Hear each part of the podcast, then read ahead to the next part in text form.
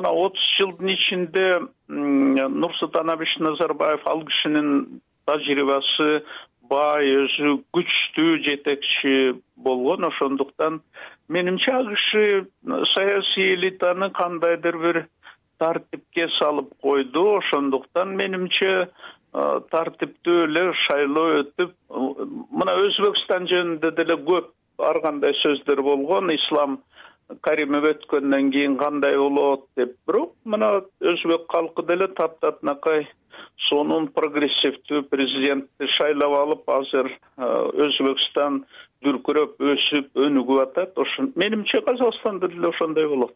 Саясий кландардын же болбосо бир э, жүздөрдүн ортосунда эч кандай тиреш болбойт бийлик талаш болбойт дегендей ушундай бир ыктымалдуулукту четке кагып коюш керек сөзсүз ар кандай жүздөр бар. Менимче бирок менимче мына акыркы отуз жылдын ичинде казакстанда кандайдыр демократиянын фундаменти түптөлүп калды. Ошондуктан менимче сөзсүз сөзсүз шайлоо убактысында талаш тартыш болот э, конкуренция болот соперничество болот. Бирок менимче менен демократиялык конституциялык жол менен президент шайланат деп мен э, терең ишенем нурсултан назарбаев жеке сизге ага катары анан сиздин үй бүлөңүз үчүн кудалык туугандык жайыңыздар болду. Сиздин уул менен назарбаевдин кызы эки башка жолго түшкөндөн кийин ушул кудалык туугандык мамиле эки өлкөнүн ортосуна таасирин тийгизген жокпу?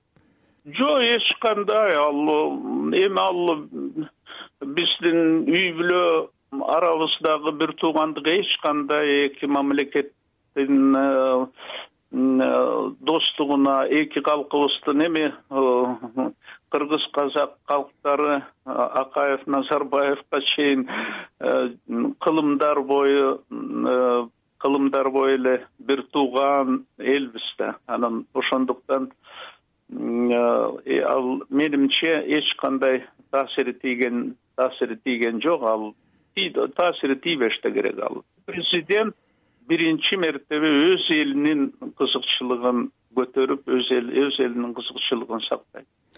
Анан сиз эки миң бешинчи жылы бийликтен кеткенден кийин назарбаев менен кезиктиңизби байланышып турдуңузбу мен мындай айтам карындашым мындай айтам. Мен өзүм окумуштуу адаммын. Мен өзүм профессионалдуу окумуштуумун анан президенттен кеткенден кийин мен кайта өзүмдүн ошо илим билим өзүмдүн э, сферама кайта келип иштеп калдым. Ошондуктан менин цехим башка. Мен өзүм ошо окумуштуулар менен академиялык э, чөйрөдө э, мамиле курам. Анан саясатчылардын ал өзүнчө чөйрөсү анын үстүнө мен өзүм он беш жыл президент болуп иштеп калдым. Президенттердин жумушу көп. Ошондуктан мен эч кимиси менен байланышкан жокмун. Назарбаев э, коңшу казакстанды отуз жыл башкарды жалпысынан отуз беш жыл башкарды ошол учурда батыш өлкөлөрү э, саясатчылар эксперттер демократиялык баалуулуктарды талкалап президенттик мөөнөтүн улам улам өзгөртүп атат демократияны тепседи жок кылды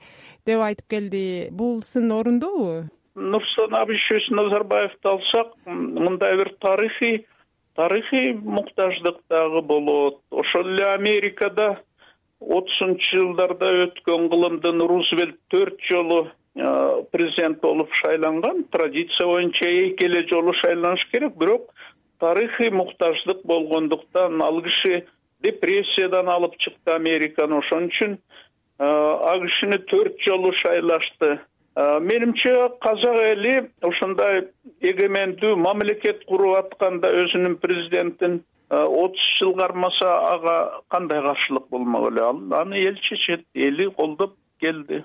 Ошол эле мезгилде конституцияны бузуп демократиялык принциптерди бузганын мындай тарых кечирет деп ойлойсузбу конституцияны назарбаев өзү жазган жок өзү оңдогон жок. Казакстанда парламент деген бар эл шайлаган э, сенат деген бар. Аларды эл шайлаган ошол парламент сенат конституцияга өзгөртүүлөрдү киргизип атты. Ошол эле казак калкынын өзүнүн ой пикирин эске алып өзгөртүп атышты. Ошондуктан бул демократиялык жол менен э, болгон иш баары эле